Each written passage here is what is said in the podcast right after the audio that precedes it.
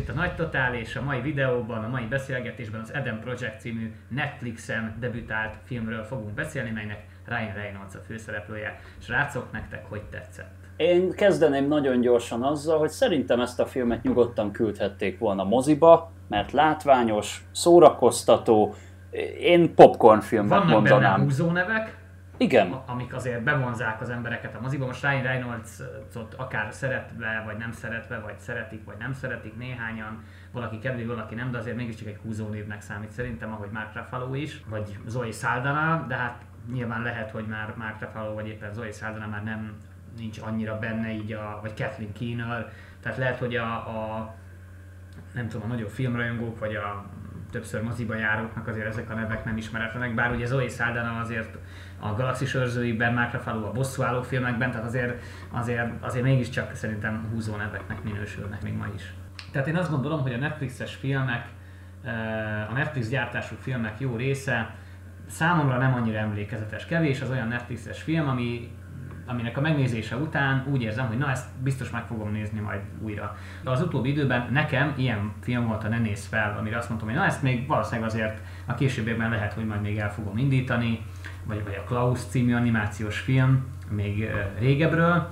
És az Eden Projectet megnézve, én nem vagyok feltétlenül a Ryan Reynoldsnak a legnagyobb rajongója, de én is kellemesen szórakoztam a filmen, és miután megnéztem, az jutott eszembe, hogy lehet, hogy valamikor majd még egyszer a közeljövőben, vagy a távolabbi jövőben, ha éppen egy ilyen kis könnyed popcorn mozira, látványos kis könnyed popcorn mozira vágyom, akkor meg fogom még nézni. Szerintem nagyon szórakoztató volt, és nekem abszolút tetszett. Nem tartom egy 10 per 10-es hibátlan filmnek, azért számomra volt benne néhány ilyen kisebb-nagyobb logikai bukfenc, de hát melyik ilyen időutazós dolognál nincs ez, és ha az ember ezt elengedi, akkor szerintem ez egy nagyon jó kis feel good akció kalandfilm. Baromi jó volt a kisrác alakítása, szerintem nagyon-nagyon jól illett. Elhittem róla, hogy ő a fiatal Ryan Reynolds, és nekem még az jutott eszembe, hogy ha ezt a filmet mondjuk a 80-as, 90-es években hasonló látvány, mondjuk a Spielberg rendezte volna, akkor instant klasszikus lenne szerintem. És ugye a Sean Levi uh, rendezte, ha jól mondom a nevét, ugye például a Stranger Things-nél ugye producerkedik, tehát uh, megvan neki ez a mert engem a film kicsit azért emlékeztetett az ilyen 80-as évek coming of age akció kalandfilmjeire is, jó értelemben. Úgyhogy nekem kellemes meglepetés volt, azt mondhatom, az Eden Project. Igen, és egy, egy mindenképpen pozitívum a filmnek, ugye, hogy, hogy skifiről van szó, még ha nem is egy olyan hardcore skifi, de mindenképpen tök jók benne ezek a tudományos momentumok. Tehát az időutazás az mindig egy nagyon izgalmas téma szerintem, és jó pofa volt ez a megoldás, hogy találkozik Ryan Reynolds a fiatalabbik kényével ebben a filmben, és én mindenképpen meg fogom majd szerintem újra nézni a filmet, de majd eredeti nyelven, mert nagyon kíváncsi vagyok rá, hogy a kisrác az, az mennyire tudta lehozni a Ryan Reynolds eredeti hangját, az ilyen kis megszólalásai, mennyire hasonlítanak tényleg a felnőtt színészre. Azért rengeteg drámai része van a filmnek, de de rengeteg helyen meg tele van humorral. Így és van. Nagyon jól operáltak ezekkel a dolgokkal, és nagyon, szerintem nagyon jó film kerekedett ki belőle, mint egy önálló alkotás, mert nek nincsen előzménye, nem egy képregény franchise-hoz tartozik, nem egy folytatás, és a legjobban talán azt tetszett, hogy nem vitték túlzásba az expozíciót az elején, hogyha észrevettétek, én néztem, hogy 7. percnél már találkoznak, és már 14. percnél már tudja is a srác, hogy saját magáról van szó, és a 17. percnél már az idő utazás minden ilyen logikai buktató, amire mi gondolunk néző, a kisrác megkérdezi. Tehát pont azzal, hogy így uh-huh. előtérbe kerül. Mintha a szájába adnánk a kérdéseinket gyakorlatilag. Pontosan, és pont ezért akkor szerintem kevésbé facsarja a nézőt, hogy akkor ez most hogy is lehet, mert néhány időutazós filmnek szerintem elkezd túlságosan gondolkodtatni, és ezért nem lesz, úgymond az élvezeti faktor az abban lesz, hogy így megpróbál megfejteni a logikai buktatókat az időutazás alapján, viszont ennél ez nem volt egyáltalán zavaró, nem kezdesz el azon gondolkodni, hogy most akkor mi, mikor történt pontosan, hogy ez most hogyan is áll egybe, mert viszonylag hamar és könnyed humorral ezeket lelövik. Tehát való, helyre ragják, úgymond, és ezért nem is azon van talán a hangsúly. Hát meg a, jó, hogy, jó, hogy említetted egyébként a drámai részt, mert azt szerintem abszolút szállítja nekünk a Mark Ruffalo is. Tehát amikor ő és találkozik, amikor ő találkozik ugyebár a reynolds és a kisráccal, azok, azok nagy része egyébként nagyon szívet melengető és ilyen, ilyen drámai momentum. És hál' Istennek nem csapják agyon valami, valami idióta poénnal. Szerintem jól van balanszolva a film, tehát Igen. a vicces részek, a komolytalanabb részek, a komolyabb, érzelmesebb részek. Nekem ami először beugrott az a kocsmában, amikor beszél a saját anyjával a már felnőtt. Oh. Ryan Reynolds, és szerintem ott nagyon finoman fogalmaz meg olyan nagyon megszívelendő dolgokat mond neki, vagy dolgokról beszélgetnek, meg még valami még itt eszembe jutott, hogy ugye eléggé pörög a film, ugye ahogy Zoli te is mondtad, hogy már a 7. perc, 14. 17. perc, mert hogy nekem nincs bajom a, a hosszabb, több órás filmekkel alapvetően, de jó volt egy ilyen laza kis másfél órás, 90 perces filmet megnézni. Tehát amikor tudod, hogy na ez másfél óra, ez ilyen kis lazább menet lesz, és nem egy ilyen két és fél órás, három órás monstrum film, amivel szintén nincs baj, de valamikor az embernek inkább van kedve valami kis lazább, kis rövidebb 90 perces filmecskét nézni. Szerintem ennek a filmnek pont így a megfelelő volt a tempója, és ahogy te is mondod, így a hosszúsága, tehát mire már úgy mondjuk úgy, a legtöbb film ellőné az összes puskaporát, addigra ez a film már véget ért. És akkor pont annyit kaptál, mint amit mint amire tulajdonképpen számítottál, se többet, se kevesebbet. Látványban is szerintem rendben volt, voltak benne érdekes vizuális megoldások, itt a, gondolok én erre a fénykartszerű dologra, meg a Hát igen. Tehát, hogy úgy, úgy voltak azért kikacsintások egyéb más filmes, hát hogy is mondjam, franchise-ok felé. Nekem szerintem, például teljesen E.T. Flash sem volt az elején az, az elején olyan szinten mm-hmm. E.T. Sem volt, csak ugye ott egy hosszú bevezető volt ugye a Spielberges filmben, itt pedig ahogy Zoli is mondta, nagyon gyorsan belecsap a lecsóba, és olyan, mintha az IT-nek a prológusát gyakorlatilag átugrottuk volna, és akkor már ott az erdőben, ó, valami lezuhant, na akkor megyek, megnézem, és mm. hát találok egy, egy űrhajót, és uh, piszok jól nézett ki szerintem is amúgy a film. Hát meg a, hogyha a fiatalabb nézőközönséget, célközönséget nézik, ők már eleve sokkal inkább hozzá vannak szokva gyors nittekhez, gyors vágásokhoz, ahhoz, hogy pörög a film, és pörög a cselekmény, és pörögnek a, a jelentek egymás után.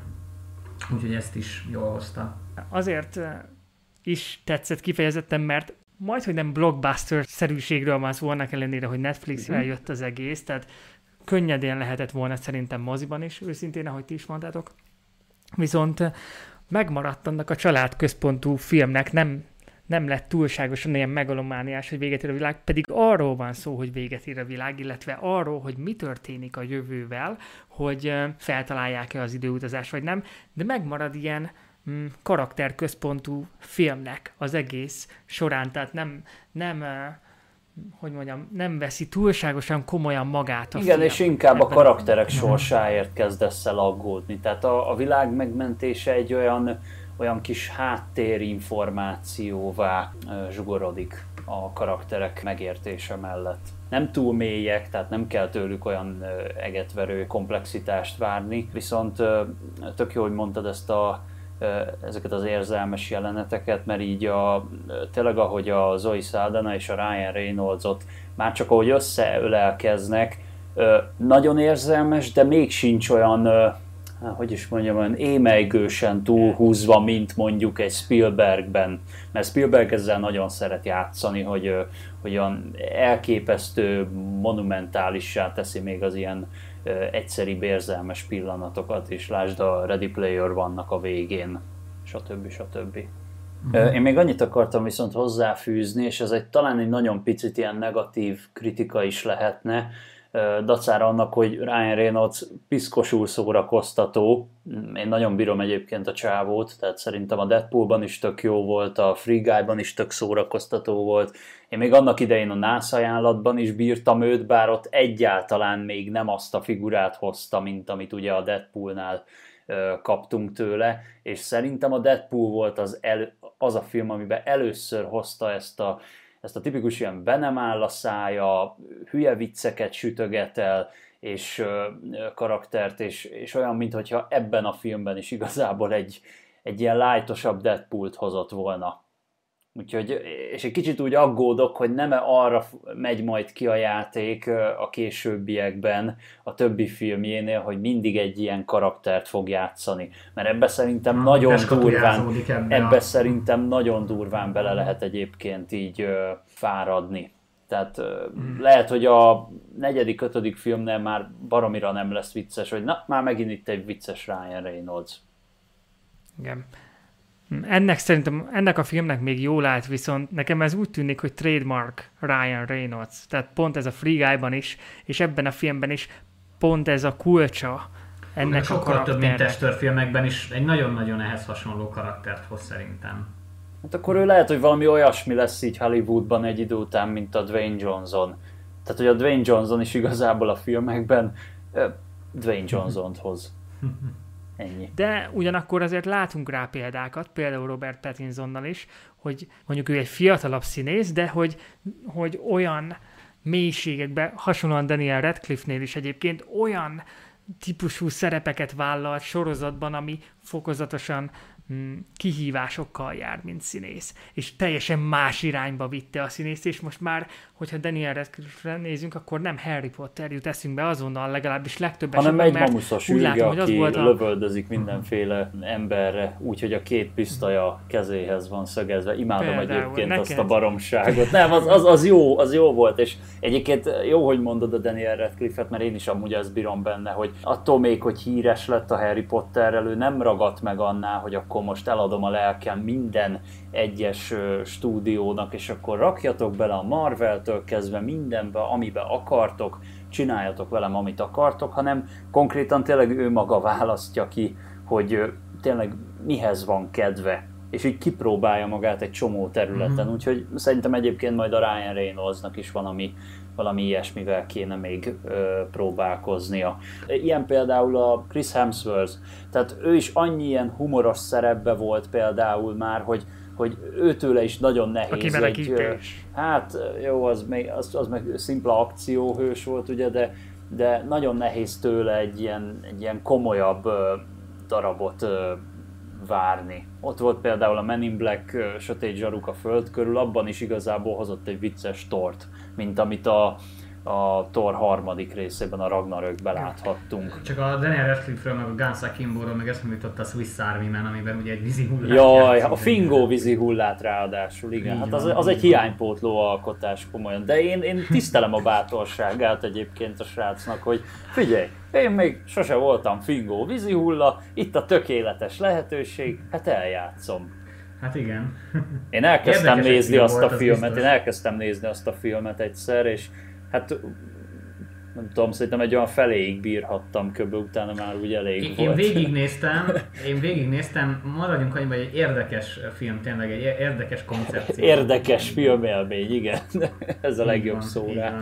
És tudjátok, hogy ki játsza a csávót? Azt hiszem a Rébuszt játszó igen. színész Paul Dano. Így van, így van. Na hát akkor még úgy nem tudtam a nevét a csávónak, de akkor jó tudni. Én a Paul Dano-t, a, tudjátok mióta ismerem a Paul Dano-nak a nevét? Két film, azt hiszem az egyik a család kicsi kincse, a Little Miss Sunshine, talán 2006 környékén, abban játszott egy karaktert, akinek Dwayne volt a neve. Uh-huh. Egy családról szól a, a film, egy ilyen kis road movie, hogy van a családban anyuka, apuka, nagypapi, van egy bátyus és egy hugi és a kis Hugi megy egy ilyen szépségversenyre, a nagypapa készíti őt fel, és akkor a Paul Dano karakter, a Dwayne, egy ilyen némasági fogada, ha jól emlékszem, már régen láttam a filmet, de ő nem beszél, mert hogy ilyen némasági fogadalmat tett meg, hogy ő vadászpilóta akar lenni, és akkor a film nagy részében meg se szólal, illetve a a Vérziolaj, Daniel Day-Lewis-nak, azt hiszem az pedig 2007 vagy 8 körülnyéki környéki filmje, és abban mm. alakít még egy nagyot szerintem a Paul Dano. Én, én onnan ismerem őt egyébként. Mm-hmm ezekből a filmekből. Zárójel bezárva. Hát mindesetre a csávónak van egy elég creepy feje azért így uh, publicban is, úgyhogy... Meg ajánlom még srácok a Fogságban, The Prisoners című filmet, abban is játszik a Paul Dano, uh-huh. meg a Jake Gyllenhaal. Fú, meg Hugh Jackman azt hiszem, uh-huh. ha jól emlékszem. Az is egy kegyetlen jó film, nagyon tudom ajánlani. Prisoners fogságban. Uh-huh. Fú, nagyon-nagyon-nagyon jó. Na hát így a hallgatók is kaphattak pár tippet, hogyha mm-hmm. szeretnék a Paul Dénót még egy-két alkotásban látni. Denis Villeneuve filmje, ugye a Dűne rendezőjének mm-hmm. egy mm-hmm. régebbi mm-hmm. filmje, fú, kegyetlen jó szerintem, nagyon tudom ajánlani. Fogságban. Jó, én is felírom magamnak. Uh-huh. Uh-huh. Fönn van Netflixen egyébként. Szóval szerintem az Eden projektet azt bárkinek könnyű szívvel lehet ajánlani, egy nagyon szórakoztató kis kellemes ilyen, tényleg, mint, mi, ahogy a többiek is mondták, mint egy kis, mint egy blockbuster. Tehát simán mehetett volna akár moziba is, látványos volt, szórakoztató, vicces, olykor drámai, remek színészekkel, nagyon jó pofa történettel, ugye a skifi az mindig működik. Ehhez kapcsolódóan még, amit sokan mondtak, és én azt majd még szeretném pótolni, az majd a holnap háborúja, az is időutazós, csak az egy sokkal komolyabb filmélmény, de hát piszkosul látványos, és nagyon hasonló amúgy a koncepció, tehát ilyen időugrások vannak abba is úgyhogy én azt mindenképpen még pótolni fogom. Na, úgyhogy ennyi volt a Eden projekt, és találkozunk a következő epizódban. Sziasztok! Sziasztok!